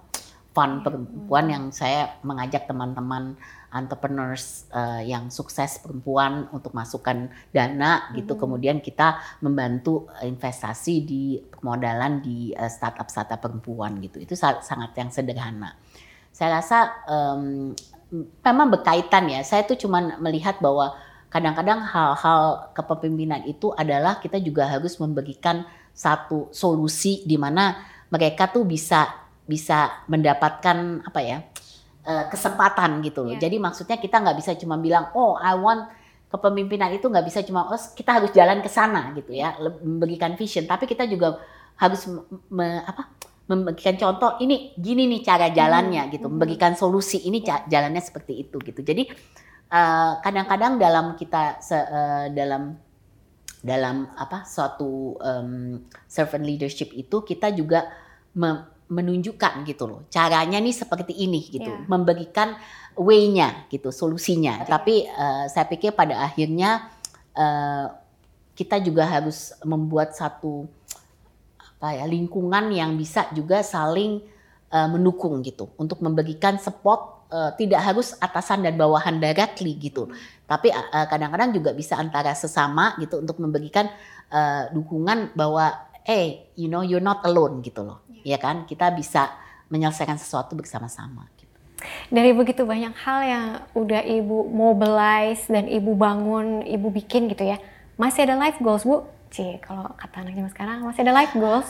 Saya rasa pasti setiap manusia punya life goal ya. Kalau saya tuh life goalnya seperti ini saya tuh punya selalu saya melihat saya tuh yang paling seorang figur yang saya selalu paling uh, ini sekali ya adalah um, Mother, Mother Teresa ya. Kenapa? Hmm. Karena Mother Teresa itu adalah seorang figur yang tidak mementingkan uh, dirinya sendiri. Jadi dia so, hanya uh, pikirkan orang lain, kepentingan hmm. orang lain gitu. Ya. Saya rasa kita dalam satu sebagai seorang uh, human ya, manusia, itu pasti terus menerus pingin lebih gitu. Kita nggak, kita selalu pingin sesuatu tuh oh, what's in it for us? Yeah. What's in it for us? Selalu yeah. pertanyaannya seperti itu gitu. Sangat sulit untuk kita dalam satu titik di mana kita mengatakan oh I'm doing this for others. Bukan untuk saya nggak pikirin diri saya yeah. sendiri. Yeah. Saya saya cuma mau melakukan itu orang lain gitu. Nah, buat saya tuh life goal saya sebenarnya seperti itu gitu bahwa di, apakah saya bisa mencapai satu titik di mana nggak usah mikirin Sinta maunya apa seperti apa gitu, tapi hmm. that I can do this for other people gitu yang membutuhkan ya itu yang uh, my my life goal to make a difference ya for other people dan gimana um, I don't have to think selfless to become a selfless person lah. Saya rasa saya bagaimana caranya supaya saya bis, bisa men, tidak menjadi seorang yang um, only uh, memikirkan diri saya sendiri gitu, tapi bisa menjadi selfless untuk bisa memikirkan kepentingan orang lain. Secara nggak langsung, kadang-kadang uh, kita sampai akhirnya satu titik bahwa uh, mindset seperti itu sebetulnya akhirnya mendatangkan balancing di hidup kita juga ya Bu. Dalam semua kesibukan, tapi kita akhirnya seperti diri kita tuh kayak, eh nggak nggak kita kita juga harus mikirin orang nih. Kan kalau di satu sisi misalnya oke okay, ada profit, tapi lalu ada people dan planet. Sama halnya seperti uh, yang tadi Ibu cerita, uh, bikin ini dan bikin itu. Eh, tapi kita juga harus memikirkan orang lain, bukan lagi Sinta maunya apa, tapi apa yang bisa dikasih buat orang. Apakah ibu melihat uh, work-life balance seperti itu, atau mungkin ibu punya pendapat berbeda? Um, uh, mungkin nggak persis seperti itu ya, tapi kalau saya lihat um, dari work life balance itu sebenarnya kalau work life balance itu lebih hubungannya kepada saya. Oke. Di mana saya memanage antara gimana saya bisa mengambil keseimbangan antara pekerjaan dan uh, uh, kehidupan pribadi saya gitu kan. You have to remember di dalam work life balance saya selalu mengatakan there is also a self. Oke. Karena work life balance itu lebih untuk mentalitas kita. Kenapa saya mengatakan mind, body and soul? Itu untuk mentalitas self. Self itu ada di dalam work life balance, yaitu self untuk Sinta. Kenapa? Karena if I'm so stretched out di dalam kegiatan saya, pekerjaan saya, kemudian rumah tangga saya, sementara saya nggak punya waktu untuk saya, itu juga nggak bisa gitu. Ya. Karena saya tidak bisa menjadi seorang yang produktif gitu kan. Jadi it's a bit different ya dengan hmm. apa yang saya sampaikan kepada life goal saya gitu. Kalau work life balance tuh lebih saya self ini menjadi sesuatu yang harus juga saya pertimbangkan karena tanpa tanpa ada apa uh, melihat mind body soulnya saya, saya nggak bisa melakukan hal-hal yang ada gitu. Ya, ya. Uh, dan kalau saya nggak salah dengar, ibu suka menari. Ya. Itu Jadi salah itu satu salah satu hobi. Ya betul salah betul hobi. betul. Jadi itu um, apa one way of saya punya ini ya untuk self saya itu ya memang menari sih. Jadi itu salah satu yang memang saya ini dan bagian ekspresi saya juga apa ya namanya uh, when uh, when I kalau orang lagi kadang-kadang mumet lagi apa kalau orang banyak macam-macam kalau saya menari itu adalah salah satu untuk saya melepas diri. Mungkin pertanyaan terakhir Bu, um, kita masih akan menyambut uh, G20 di November dan Ibu kan juga menjadi chair di B20. Kalau dari pandangannya Ibu dan dari semua cerita yang udah Ibu cerita gitu ya, Um, kira-kira harapannya ibu akan seperti apa uh, sebagai ibu women leader melihat apa namanya uh, tanggung jawab yang diberikan kepada ibu sebagai pemimpin di B20? Iya, jadi uh, pertama um, tentu saja saya sangat um, apa apresiasi kesempatan yang diberikan kepada saya seorang perempuan untuk bisa uh, dari Indonesia untuk hmm. bisa memimpin perempuan eh, Asia uh, pertama ya. Ya betul untuk memimpin B20. Jadi saya tentu saja um, saya apa bersyukurlah bisa mendapatkan kesempatan itu. Tapi B20 is all about Indonesia. It's not about Sinta, it's not yeah. about anybody yeah. gitu. Jadi yang kita lakukan di B20 ini adalah untuk Indonesia. Uh -huh. Karena kita mau menunjukkan kepemimpinan Indonesia sebagai host country, ya kan? Jadi tidak hanya mendeliver uh, objektif daripada um, forum itu sendiri, yaitu bisa menyampaikan policy recommendations, menyampaikan legacy-legacy yeah. um, apa projects ya outcomes untuk Indonesia tapi juga yang penting adalah bagaimana uh, kita bisa mengambil kesempatan presidensi Indonesia ini untuk mendapatkan investasi yang besar buat Indonesia. Oke, okay, ya, ya. Jadi ini yang menurut saya satu kunci hal yang sangat penting gitu loh. Bahwa momen momen untuk B20 presidensi ini kita mau menunjukkan showcasing Indonesia, hmm. bringing Indonesia to the world dan bisa menarik juga investor untuk masuk ke Indonesia gitu. Jadi ini saya rasa salah satu pekerjaan rumah yang sangat penting. Jadi apa yang kita lakukan di sini adalah untuk menunjukkan Indonesia. Aduh Bu, tapi saya harus tanya ini. Satu lagi, satu lagi. Ibu punya pesan nggak yang mungkin bisa menguatkan perempuan gitu ya, yang menonton. Uh, perempuan yang punya usaha, perempuan yang berbisnis, uh, perempuan yang jadi pemimpin. From your heart to theirs gitu, mungkin ada pesan yang ibu mau encourage ke mereka? Iya, jadi saya punya um, apa namanya actually values ada tiga hal utama ya buat saya. Um, uh, pertama adalah saya uh, kita harus punya purpose, ya, purpose. ya dalam menjalankan bisnis kita mesti tahu why are we doing this business yeah. gitu ya, okay. mesti punya purpose. Kedua kita mesti punya passion. Mm -hmm. We have to love what we're doing. Mm -hmm. Itu sangat penting gitu karena mm -hmm uh, kalau kita suatu suatu masa akan lebih sulit kalau kita tidak menyenangi atau uh, apa uh, enjoying what we're doing. Jadi passion adalah yang kedua. Hmm. Dan yang ketiga adalah perseverance. perseverance. Kita harus bekerja keras untuk mendapatkan mencapai sesuatu hmm. gitu. Jadi tiga hal itu, purpose, passion, passion perseverance. Nah, untuk perseverance juga penting bahwa kita jangan takut gagal. Yeah. Jadi saya mau kasih tahu perempuan-perempuan di luar sana Don't worry if you fail. Kegagalan itu itulah adalah cara kita untuk belajar mencapai kesukses, kesuksesan. Jadi jangan takut gagal, bangkit lagi, coba terus Coba gitu. lagi. Terima kasih banyak Ibu Sinta buat ngobrol-ngobrol insight dan inspirasinya. Terima kasih banyak Bu Sinta. Sama-sama. Kawan Puan terima kasih banyak ya sudah mendengarkan dan menyimak obrolan kita bersama Bu Sinta Kamdani. Kalau misalnya kita akan menarik kesimpulan, ada satu, dua, tiga poin penting yang disampaikan Bu Sinta. Pertama, penting banget untuk kita bisa menyeimbangkan mind, body, and soul. Uh, untuk apa? Supaya kita tetap bisa bergerak maju mewujudkan hal-hal yang kita inginkan.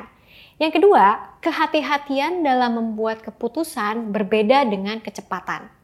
Hati-hati bukan berarti lama. It's all about cautiousness. Yang ketiga, untuk mewujudkan apa yang kita mau, kita juga harus mau mendengarkan. Sekali lagi terima kasih banyak kawan Puan sudah menyaksikan podcast cerita para Puan kali ini. Jangan lupa like, uh, tinggalkan komen, uh, dan subscribe channel para Puan. Kita ketemu lagi di episode berikutnya. Bye!